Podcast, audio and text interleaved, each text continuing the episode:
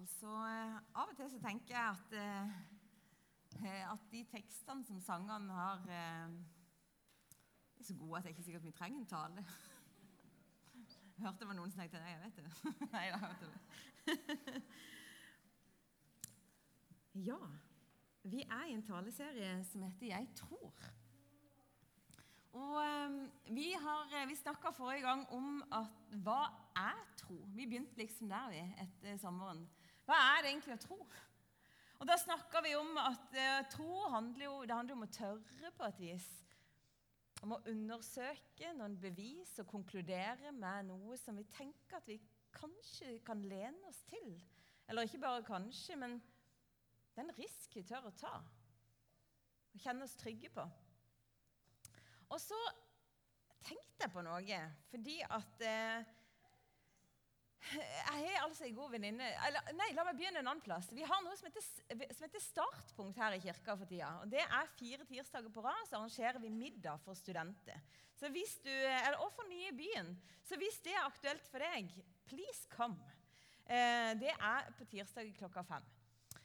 Og Første gang, eh, som var nå på tirsdag, så hadde vi lapskaus.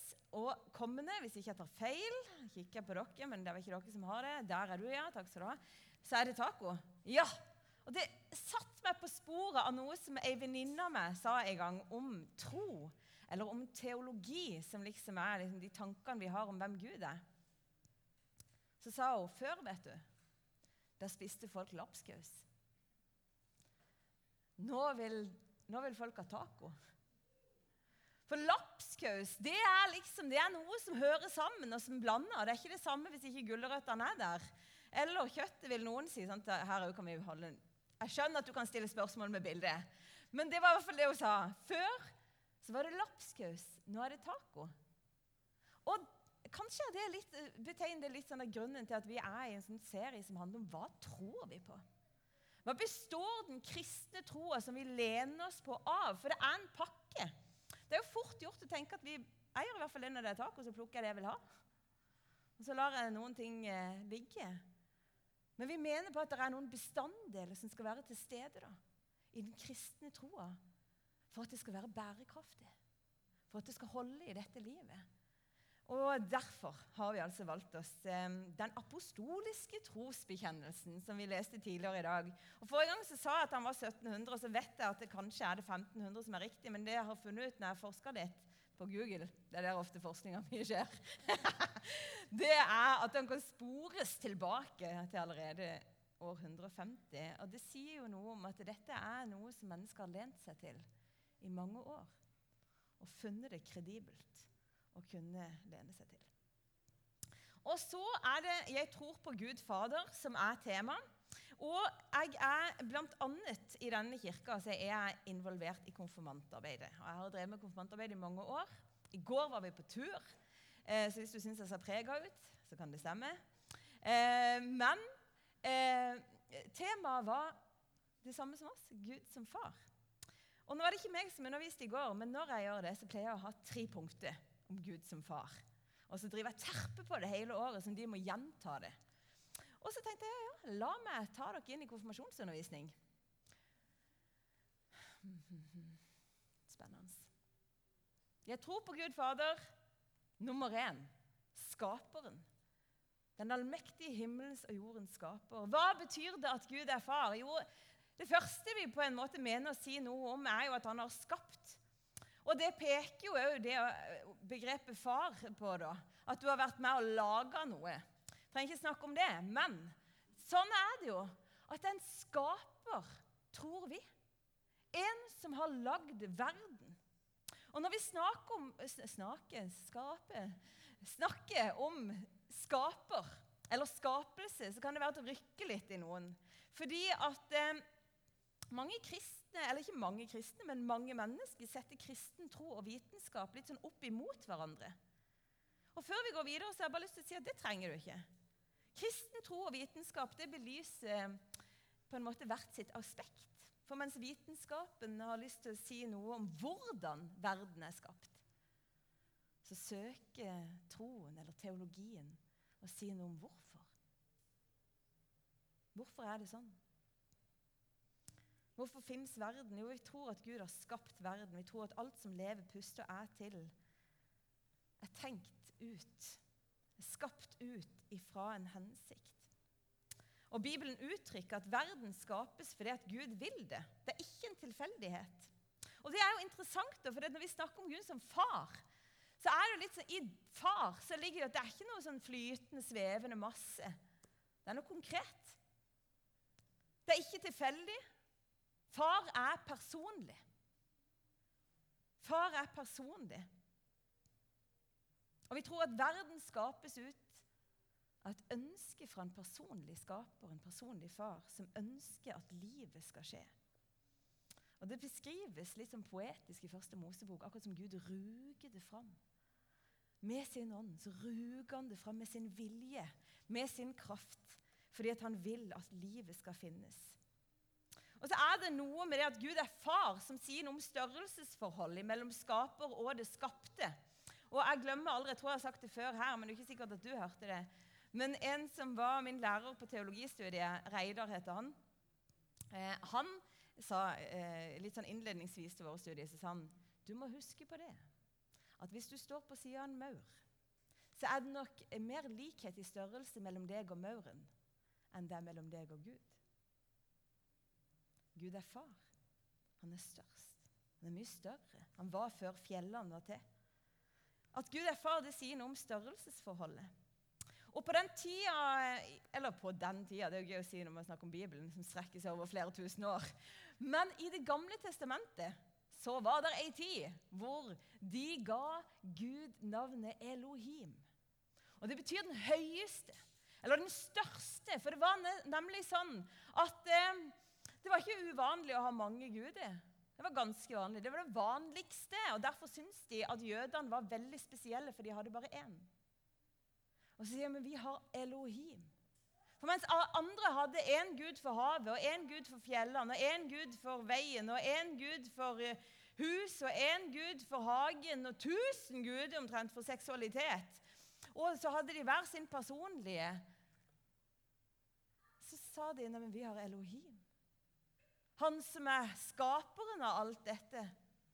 Vi kjenner Han som har skapt det, og som dermed er rettmessig herre. Den høyeste Gud. Og i sentrum av den høyeste Gud sin oppmerksomhet, der er de som eh, han skaper som han elsker mest, nemlig mennesket. Og Mange her inne har opplevd det å bli foreldre, noen ganske nylig. Og jeg tenker at Det må være så, altså det å se at noen ligner på deg. At det kommer noen til verden. Gud skaper mennesket i sitt bilde, står det. Han har skapt oss. Han har lagt ned noe eget, noe av seg selv, som han ikke har lagt ned i resten av skaperverket. Sine egne personlighetstrekk. Noen som han kan ha fortrolig samfunn med. Noe som kan speile seg i han, og som man kan møtes på en helt egen måte. Og Gud elsker alt han har skapt. Det står at han har omsorg til meg for spurven. Men ingenting er for Gud som menneskene de som er hans barn. Og Det bringer meg videre til neste konfirmantpunkt, som er og Nå kan det være at du syns jeg bruker et litt rart språk, men det er, jeg pleier å si at Gud er følelsesmessig knytta til oss. Og så kan det være at du sier hvorfor sa du ikke bare at han var glad i oss? Det kan godt være at mange har hørt mange ganger. Og så er det av og til så ser jeg det i løpet av årene som har gått, at noen våkner på det at Gud faktisk har følelse. Han er en far som har ordentlige følelser. Han er ikke noe abstrakt. Gud er vesen. Han er personlig. Og så har han følelse. Bibelen vitner fra perm til perm om at Gud elsker. Faktisk så står det i 1. Johannes brev ganske tydelig at Gud er kjærlighet. Gud, han som er opphavet til hele hele verden. Han er kjærlighet. Og ifra sitt vesen, som er kjærlighet Hvis du klarer å forestille deg det Min fantasi kan løpe fort av sted. Det er ikke sikkert vi har det likt, men jeg ser liksom bare en kjærlighet som bare pumper som et hjerte. Bare pumper ut nytt liv. Derfor pumper det ut en ny verden. Stadig. Fordi at kjærligheten ikke gir seg, så skapes det noe, så spirer det fram. Og der det er kjærlighet, der tenker jeg, der er det overflod av liv. Hensikten bak selve livet er kjærlighet. For Gud er kjærlighet. Jeg har lyst til å legge til jeg tror at hensikten kanskje med livet er kjærlighet. Gud er en far som elsker. Og I 1. Johannes kapittel 3 så står det 'Se hvor stor kjærlighet far har vist oss'. Vi får kalles Guds barn. Ja, vi er det! Det er som en begeistring på slutten der. Så ja, se hvor stor kjærlighet far har vist oss. Vi får kalles Guds barn, og vi er det! Det er som om man har på sett det med hele seg sjøl. Jeg hørte, jeg hørte, jeg hørte, jeg hørte. Nå har jeg sett, jeg skjønte. Sånn så jeg det for meg. for Det er ikke sikkert det var sånn. Nå tolker jeg jo hvordan det var å skrive det her. Men det er i hvert fall helt sikker på at det er ikke sukkersøte hjerte på en SMS som skrives. Det er dyrt. Dyre greier når det skal ned på pergamentrulle. Og du skriver ikke hva som helst. Du skriver det du er sikker på. Kjærligheten som Johannes beskriver, er på gresk agape. Det er ikke den kjærligheten som er mellom to venninner. Det er ikke den kjærligheten som beskrives mellom ektepar, en slags lidenskap, eller kjæreste, når det der lidenskapelige Det er jo trist å si, men både vennskap og ekteskap kan jo ta slutt. Men når Guds kjærlighet beskrives, agape Det er et ord som beskriver betingelsesløs kjærlighet som aldri kan ta slutt. Sånn er Gud. Og hvordan ser den ut? Du, eh, Johannes eh, skriver mye. Han skriver i brevet så skriver han, Først begynner han så fint. han bare sier det, selv om jeg ikke har tatt med, så skriver han, Mine kjære, skriver han, la oss elske hverandre, for kjærligheten er fra Gud. Og så sier han, ved dette ble Guds kjærlighet åpenbart blant oss. At Gud sendte sin enbårne sønn til verden for at vi skulle leve ved ham. Ja, dette er kjærligheten. Ikke at vi har elsket Gud, men at han har elsket oss og sendt sin sønn til soning for våre synder. Hvordan ser Guds kjærlighet ut? Du, Det finner vi ved å lese om Guds trofasthet og godhet i Bibelen. Og aller tydeligst så er det når ordet ble kjøtt og tok bolig. Det var når Jesus Kristus kom. Hvordan kjærligheten ser, ser ut. Det ser ut som Jesus ser ut. Hva er det som skjer der hvor Jesus er? Der kommer Guds godhet til syne. Der kommer Gud inn i fattigdommen. Han bare bryr seg ikke om det er skittent i den stallen. vet du. Han bare kommer. Og så bringer han lys inn der. Der er det helbredelse, så er det frihet for mennesker som er bundet av sykdommer, vonde krefter. Der er det oppreisning for de som er undertrykte, for de som er kua av skam. Der Guds kjærlighet er, der er det tilgivelse for synd, der er det nåde. Der er veiledning og kraft for livet. Så er det brødunder. Der er en Gud som forsørger. Det er også så deilig med fedre innimellom. Jeg håper du har en sånn erfaring i livet ditt at du har hatt en far som forsørger. Sånn beskrives Guds fars kjærlighet gjennom Jesus. De som er uten håp, de finner håp. I det siste har jeg tenkt på at det var mye folkemengde som fulgte etter Jesus. Tusenvis av mennesker. Fattigfolk, rikfolk, de samler seg der hvor han er, og de må bare ha erfart en enorm omsorg. Det står, det er jo så utrolig, så står det Og han helbreda alle som var der. Og Så kan vi stille masse spørsmål med det med helbredelse, men det sier jo noe om at han tok seg tid til alle som kom. Han gjør ikke forskjell på folk. Han avviste ingen, og så er jo helbredelse individuelt, for vi har jo forskjellige sår i dette livet og skade. Men kjærligheten, sier Johannes, det er ikke at vi har klart å elske han. Det er at han har elska oss. For det at kjærligheten starter ikke her. Jeg kan bare speile den kjærligheten som lyser på meg den som far er. Og I Efeserbrevet så står det at han er den som har gitt navn til alt som kalles far i himmel og på jord. Det sier noe om At han er prototypen. Gud er den første far. Han er der hvor det begynner, der hvor den kjærligheten starter. Så jeg har bare lyst til å si før jeg går videre og skal inn på punkt tre etter hvert, at det er ikke alltid at far er et begrep som faller så lett for oss mennesker.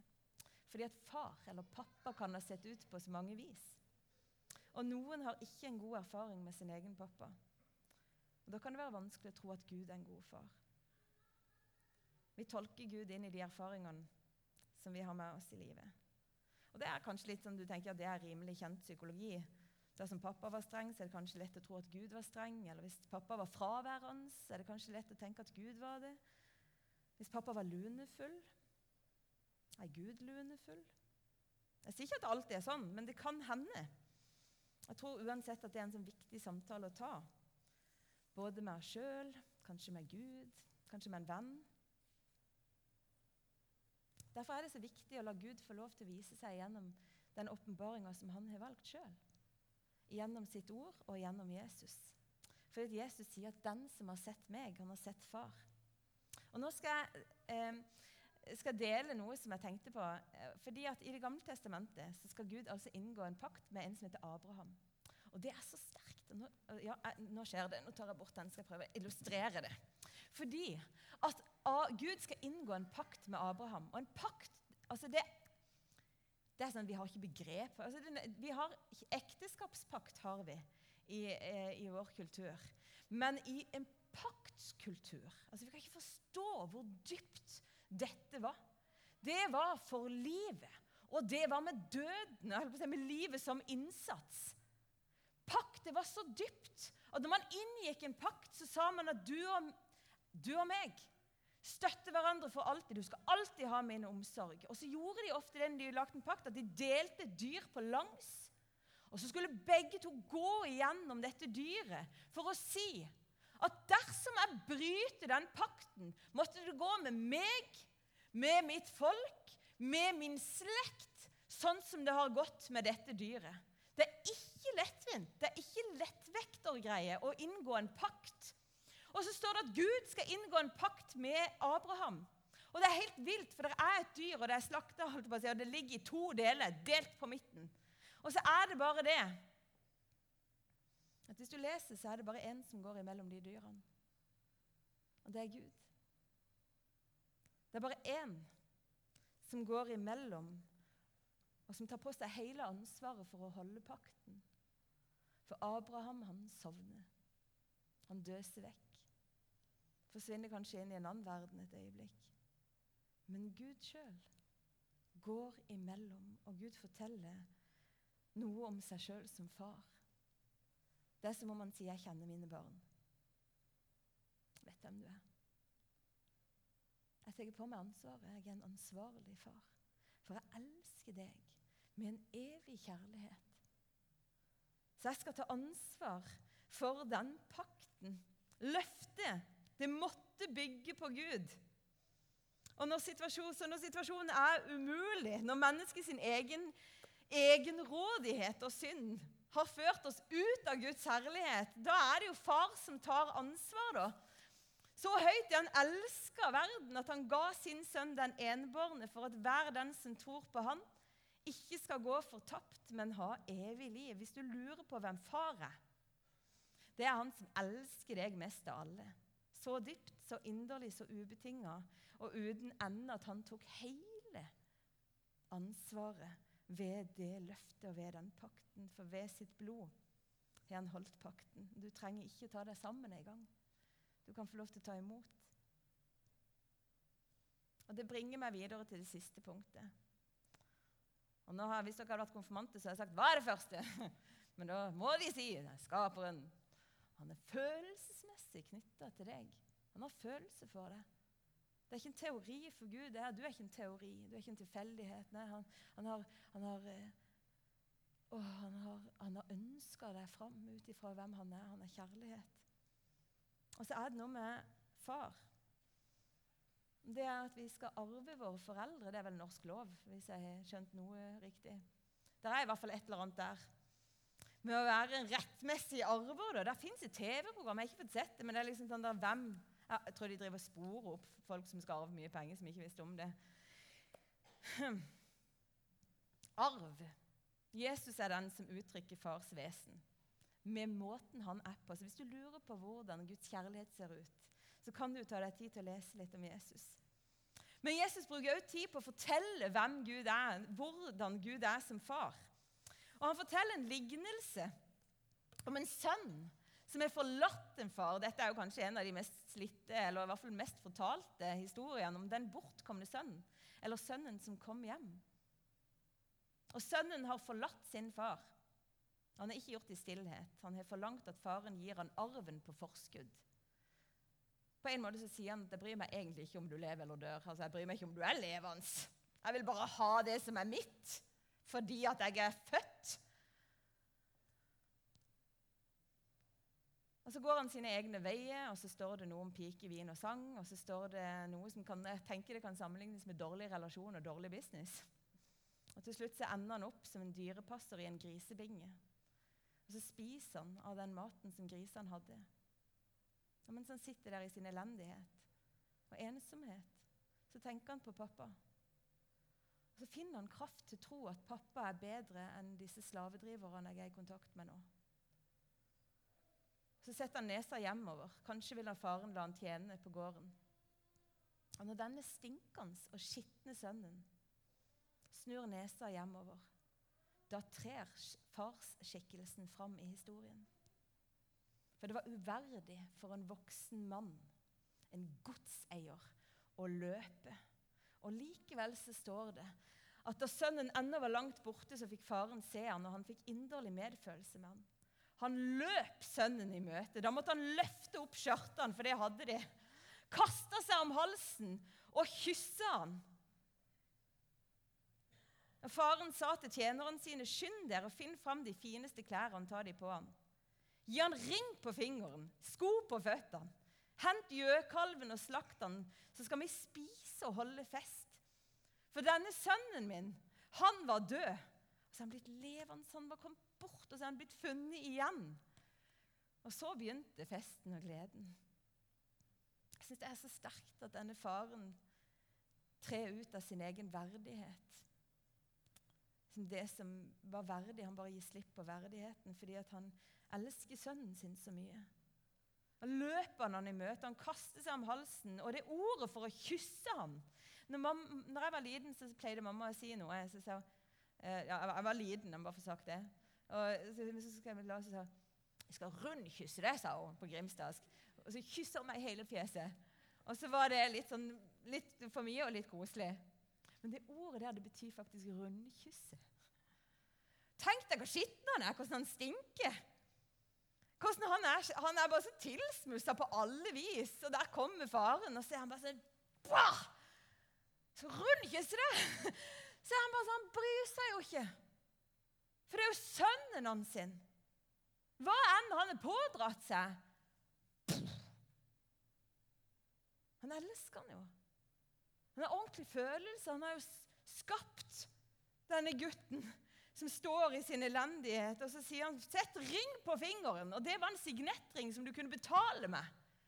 Det var på en måte kredittkort med pinnkode. Den får du. Du får. Selvfølgelig skal du få, for du er sønnen min. Du trenger ikke fortjene det. Og så får han sko. Du vet, Hvis du var slave eller tjener, da hadde du ikke sko. Da gikk du barbeint. Det var sånn understreking av du er sønn. Uansett hvordan livet ditt har blitt. Du er min sønn. Og Så er det en annen sønn som sitter og surmuler fordi han syns at dette var urettferdig. Og da, nok en gang, så går faren ut av sin verdighet. For det var jo ikke sånn at en sønn skulle få lov til å kjefte på pappaen sin. Da kunne han egentlig bare miste hele arveretten og skrike til han. Helt uhørt. Men det gjør han, for han er helt utslitt. Men faren er ikke opptatt av hva som er rett ifølge kulturen. Nei, han viser han medfølelse og går til ham. Og så sier han, 'Du er alltid hos meg. Alt mitt er ditt.' Alt det som er hos meg, det tilhører deg. Min glede, min fred, min frihet. Og det tror jeg er Guds hilsen til oss. At Gud lar oss få lov til å ta del i det som er hans sitt. Ja, men arv er ikke det noe vi blir stående igjen med og vet ikke hva vi skal gjøre fordi at noen er død. Da har jeg lyst til å si at noen har dødd i denne fortellinga, men noen har òg stått opp igjen. Så når du tar imot arven ifra Herren, så er det ikke sånn at du må finne ut av alt. Nei, han er hos deg. Han er levende midt iblant oss. Jesus Kristus er til stede, og i han så har vi friheten. Det er kjøpt med hans sitt blod. Pakten sto han for. Vi har fått tilgivelse for syndene. Og i han er vi blitt arvinger av den freden som var før fjellene ble til. Av den kjærligheten som har ruga fram livet. Og Kanskje skal vi finne Jeg tenker på at sønnen Når han kom til far, så fant han det han først forlot pappaen for å finne, nemlig fest og glede. Skal vi be. Jesus, takk for det. At du er her.